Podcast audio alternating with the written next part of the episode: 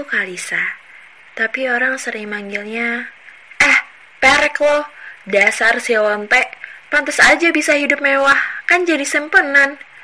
Dan lain-lain. Ya, emang bener sih apa kata orang. Apalagi hujatan dari mulut-mulut orang suci yang merasa lebih dari Tuhan itu. Mulutnya gampang banget buat menghakimi dan menghina. Aku pun udah muak dengerin semuanya. Tapi ada banyak cerita di balik itu semua yang orang-orang gak tahu.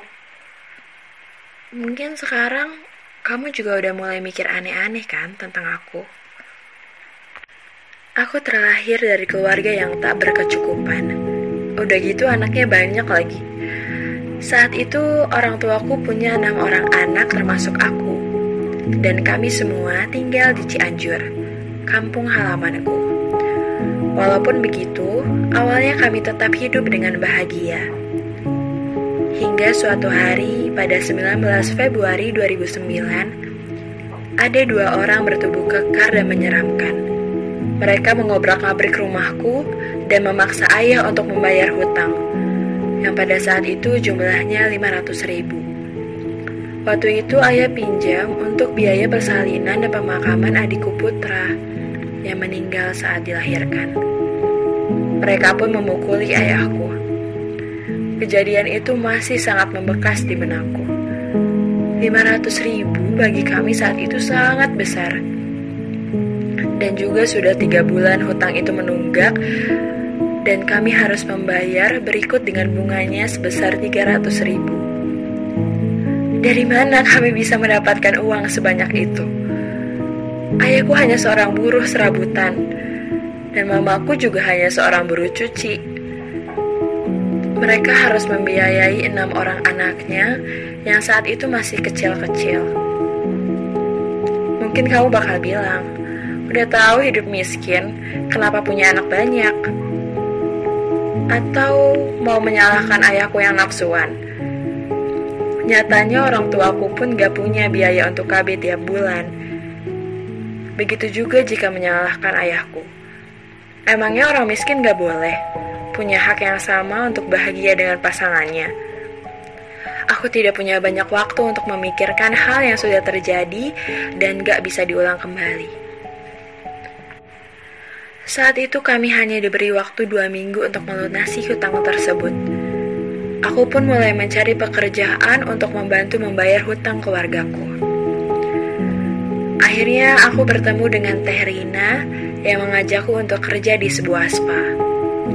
Kali itu aku tahu kalau kerja di spa merupakan pilihan yang salah. Orang-orang emang udah berpikir negatif jika mendengar orang bekerja di spa. Tapi apa boleh buat? Yang aku pikirkan saat itu hanyalah uang. Uang untuk menyelamatkan nyawa kedua orang tuaku. Itulah pertama kalinya aku merelakan keperawananku di tempat tersebut kepada seorang parubaya yang tak ku kenali. Iya, aku tahu saat itu merupakan pilihan yang salah. Tapi sekarang bagaimana? Orang-orang pasti berpikir, kenapa nggak milih buat cari kerja yang lain aja? Kerja macam apa yang dimaksud? Hah? Emang siapa yang mau berada di situasi seperti ini? Cara mana yang bisa menghasilkan uang dengan cepat? Kalau aja ada pilihan lain waktu itu, pasti akan aku lakukan. Singkat cerita, akhirnya aku dan keluargaku bisa bernafas lega karena aku berhasil membayar hutang tersebut. Setelah itu, aku pun sempat beberapa hari menyesali perbuatanku. Aku menangis dan sangat membenci diriku. Tak lama kemudian, tempat kerja Teh Rina pun akhirnya digerebek warga dan ditutup. Saat itu aku gak khawatir, karena aku pun udah bertekad untuk nggak ngelakuinnya lagi. Aku pun menjalani hidup dengan biasanya. Hingga di tahun 2011, aku merasa sudah saatnya aku membantu meringankan beban orang tuaku untuk membiayai adik-adikku. Karena adik-adikku sudah semakin besar dan orang tuaku pun sudah mulai menua. Tentunya aku nggak punya keahlian khusus waktu itu. Temanku Tiffany mengajakku untuk mendaftar pekerjaan sebagai ART di kota Jakarta.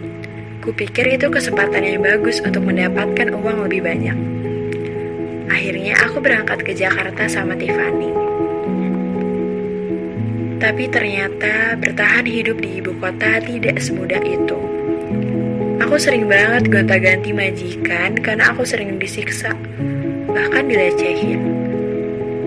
Kalau harus ganti kerjaan, aku kan gak punya keahlian apa-apa. Dan aku gak mungkin pulang. Akhirnya, aku cuma berharap-harap dari rumah ke rumah untuk bertahan hidup. Hingga akhirnya aku mendapatkan majikan yang lumayan baik. Sebut aja Rio dan istrinya Siska. Saat itu Rio berbeda 20 tahun dengan Siska. Rio adalah seorang pengusaha dan ya, Siska adalah istri simpanannya. Rio memiliki tiga orang anak dari istri sahnya. Siska sangat dekat denganku. Ia sering sekali bercerita. Ternyata ia memiliki cerita yang lebih pahit dariku. Ia hidup sebatang kara setelah kejadian tsunami Desember 2004 silam. Harusnya aku patut bersyukur karena aku masih memiliki keluarga. Ia pun bercerita bagaimana ia bertahan hidup hingga akhirnya bertemu dengan Rio.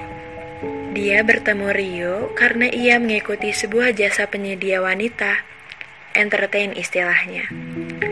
Entertain ini dibutuhin untuk kepentingan bisnis. Misalnya, sebuah perusahaan atau pengusaha menawarkan produk atau kata lainnya tender, yang di mana tender itu punya keuntungan yang sangat besar. Maka saat itu dibutuhkannya entertain untuk nemenin makan, ngobrol, atau sekedar karaoke lah sama pengusaha yang mau diajakin tender. Supaya tendernya berhasil. Kayaknya ini udah jadi rahasia umum di kalangan pengusaha deh. Walaupun ya nggak semua sih. Aku pun yang penasaran langsung bertanya. Beneran, cuma nemenin ngobrol bisa dapet duit?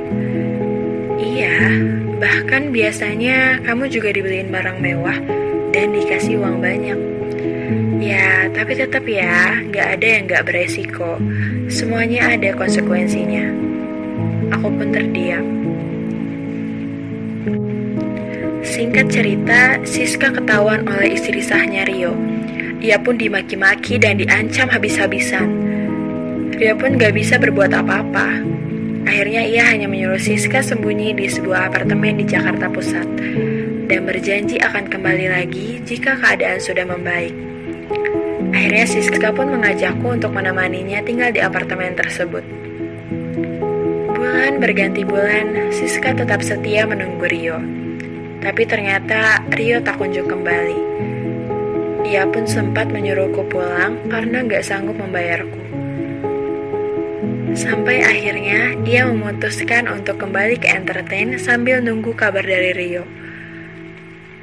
Aku saat itu yang gak tahu harus ke mana. Akhirnya dengan terpaksa aku bilang ke Siska kalau aku ingin coba dunia itu. Saat itu, Siska mengingatkanku akan resiko-resiko yang akan dialami. Tapi lagi-lagi, karena terdesak situasi, aku pun mengiyakan. Siska pun mengenalkanku pada seseorang yang biasa disebut Mami Aca. Terdengar seperti germo mungkin, namun sedikit berbeda. Mami Aca menyuruhku untuk tinggal sementara waktu dengannya dan ternyata ada beberapa rangkaian kegiatan yang harus aku ikuti, seperti tes kesehatan, belajar basic manner, cara jaga makan, bersikap, ya dan lain-lain. Mami Aca bilang kalau aku harus mempelajari ini karena orang yang akan kita temui adalah orang yang kehidupannya beda jauh dan juga punya selera yang tinggi. Aku pun dibelikan beberapa barang mewah dan harus mempunyai identitas baru. Hanya untuk nama panggung katanya, agar privasi tetap terjaga. Aku pun merasa sangat nyaman sekali. Serasa memiliki keluarga baru, Mami Aceh juga orang yang baik. Setelah tiga bulan aku mempelajari semuanya, layaknya model, akhirnya aku dilepaskan untuk debut. Inilah awal dari semuanya. Pertemuan pertamaku membuatku sangat gugup. Saat itu aku bertemu dengan seorang pengusaha. Pertemuan saat itu hanya benar-benar menemaninya makan di sebuah restoran mewah tentunya. Semuanya berjalan sangat lancar. Mungkin karena hasil dari latihanku bersama Mami Aca selama tiga bulan itu. Setelah makan, ia pun memberikanku uang dengan jumlah yang sangat besar. Aku senang sekali. Aku pun mulai terbiasa dengan pekerjaan baruku itu. Namun ternyata aku menjadi semakin tamak. Karena aku dituntut untuk tampil sempurna. Gengsi yang semakin tinggi dan juga circle pertemanan yang saling bersaing itu semua membuatku makin berani untuk menerima beberapa tawaran untuk menemani pergi keluar kota hingga tidur bersama. Sampai suatu saat aku merasakan jatuh cinta. Ya, aku jatuh cinta dengan seorang pria beristri. Sebut saja Surya. Padahal aku sudah komitmen, jangan sampai aku jatuh cinta dan ngerusak hubungan rumah tangga orang lain. Karena tujuanku di sini ya hanya untuk cari uang. Tapi perhatian dan perlakuan Surya ternyata melemahkanku. Kami mulai hubungan di tahun 2017. Surya sangat baik ia selalu mengunjungiku dan memintaku untuk menemaninya bertemu klien. Hubungan kami berjalan baik hingga tak terasa sudah hampir lima bulan lamanya kami bersama. Surya pun mulai posesif dan memintaku untuk berhenti dari entertain. Ia pun menyewakanku sebuah apartemen mewah dan memintaku untuk tidak selingkuh serta menuruti segala perintahnya. Karena terlanjur jatuh cinta, aku pun selalu mengiyakan permintaannya. Beberapa waktu kemudian, aku mulai dihantui rasa ketakutan dan bersalah setiap hari. Aku selalu merasa sakit ketika Surya ditelepon istrinya, atau ketika aku melihat profil WhatsApp-nya bersama keluarga kecilnya. Kadang juga dari telepon terdengar suara anak kecil yang bertanya, Papa, kapan pulang? Aku mau nitip mobil-mobilan dong, Pak. Surya pun sempat memintaku untuk menemaninya mencari hadiah dan baju untuk ulang tahun istrinya. Bahkan saat kami berhubungan badan pun, aku merasakan kegelisahan yang tiada henti aku merasakan sakit hati yang luar biasa. Aku tahu istrinya pasti merasakan sakit yang lebih parah. Tapi sangat sulit rasanya untuk melepaskan Surya. Aku nggak bisa gitu aja ninggalin Surya. Karena Surya akan mengancamku dan nyawa taruhannya. Juga aku sangat mencintai Surya. Tapi aku harus pintar membaca situasi. Ketika aku kangen, aku nggak bisa seenaknya ngontak dia. Aku paham, aku nggak boleh buat istrinya curiga. Surya pun sering menelponku sambil berbisik. Papi, kok suaranya kecil? Pasti lagi di kamar mandi ya. Lagi ada istri kamu ya di situ. Surya pun hanya tertawa kecil. Surya melakukan itu bukan semata-mata karena ia tidak mencintai istrinya. Ia berkata kalau istrinya sering sekali meremehkannya, terlalu independen, dan ya terlalu sering bertindak berlebihan. Juga fisik yang sudah mulai berubah. Namun entah alasan apa pun yang disampaikan Surya saat itu sama sekali nggak benar. Karena ya namanya selingkuh, tetaplah selingkuh. Setahun lamanya, aku pun mulai jenuh sama hubungan ini. Rasa takut dan bersalah semakin menjadi-jadi. Percayalah, sesungguhnya aku dan siapa pun yang berada di posisi ini menyadari akan hal yang sama dengan yang kamu pikirkan. Kami tahu bagaimana perasaan istri dan anak-anaknya. Tapi berada di posisiku juga sangat sulit. Rasa bersalah bercampur dengan rasa cinta yang begitu besar. Tepat pada 2018 bulan Mei, aku bilang ke Surya, kalau aku ingin menyudahi ini semua. Surya pun menolak permintaanku dan langsung mendatangiku. Ia pun memaki dan mengancam untuk membunuhku. Kami pun bertengkar hebat sampai aku berteriak, Kamu pilih aku atau istrimu? Aku gak mau kayak gini terus. Aku capek. Aku gak tenang. Aku menangis. Surya pun memelukku dan berkata dengan sangat manis. Aku janji, aku pasti nikahin kamu kok. Aku akan ceraikan dia demi kamu. Mendengar perkataannya, aku pun tersentuh dan kembali ke pelukannya. Tak banyak dari kalian yang tahu, di posisi ini udah bukan harta satu-satunya tapi ini benar-benar perasaan yang tulus. Aku semakin memperbaiki penampilanku agar Surya tak ke mana-mana. Bayangkan betapa gampangnya aku ditinggalin. Selalu dituntut harus memuaskan secara lahir dan batin. Aku gak boleh ngeluh. Harus selalu ada dan mau jika dibutuhkan. Aku juga harus selalu membuat Surya bahagia. Kadang aku pun takut kalau suatu hari Surya juga akan selingkuh kalau aku tidak tampil dengan sempurna. Tapi tidak pernah ada orang yang peduli pada perasaanku. Yang orang lontarkan hanyalah sebuah hujatan, kata kasar dan cemooh. Aku memang salah. Aku juga sangat tahu hal itu. Tapi, pernahkah kalian menanyakan keadaanku? Pernahkah kalian bertanya padaku kenapa aku bisa sampai di titik ini? Enggak, sama sekali. Mungkin setelah ngehina, kalian bisa tidur dengan nyenyak.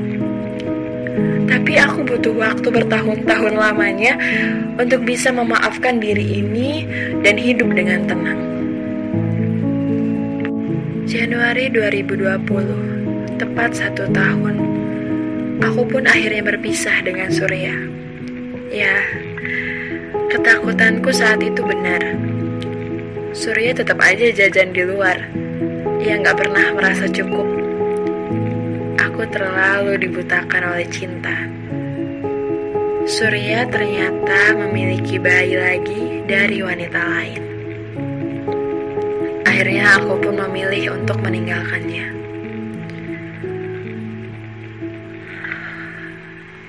Setelah kejadian itu, aku mencoba memperbaiki diriku hingga saat ini. Aku berusaha sangat keras untuk nggak kembali ke dunia seperti itu lagi. Aku terus cari kerjaan yang lain yang lebih baik. Aku mulai semuanya dari nol dengan sisa uang yang aku punya. Aku juga belajar untuk membuka usaha kecil-kecilan dan menyicil rumah untuk kedua orang tuaku. Sangat sulit sekali bagiku untuk merelakan semuanya. Sulit banget buat relain perasaan cintaku sama Surya. Sulit juga buatku untuk menerima semua keadaan yang telah terjadi. Di saat semua keadaan telah berubah pun, orang-orang tetap menghujatku. Kasihan dia tuh, lihat dia bisa hedon lagi. Udah ditinggalin sih sama om-omnya, jadi nggak cantik lagi deh. Ya, aku udah terbiasa banget dengan semua perkataan orang. Aku berharap dari ceritaku ini, kamu bisa mengambil hal-hal yang positif dan membuang hal yang tidak baik. Karena aku hanyalah orang yang buruk bukan sebuah panutan. Tapi aku sangat berharap untuk bisa menjadi lebih baik dan pastinya bisa membanggakan kedua orang tuaku kelak. Makasih ya udah dengerin ceritaku malam ini.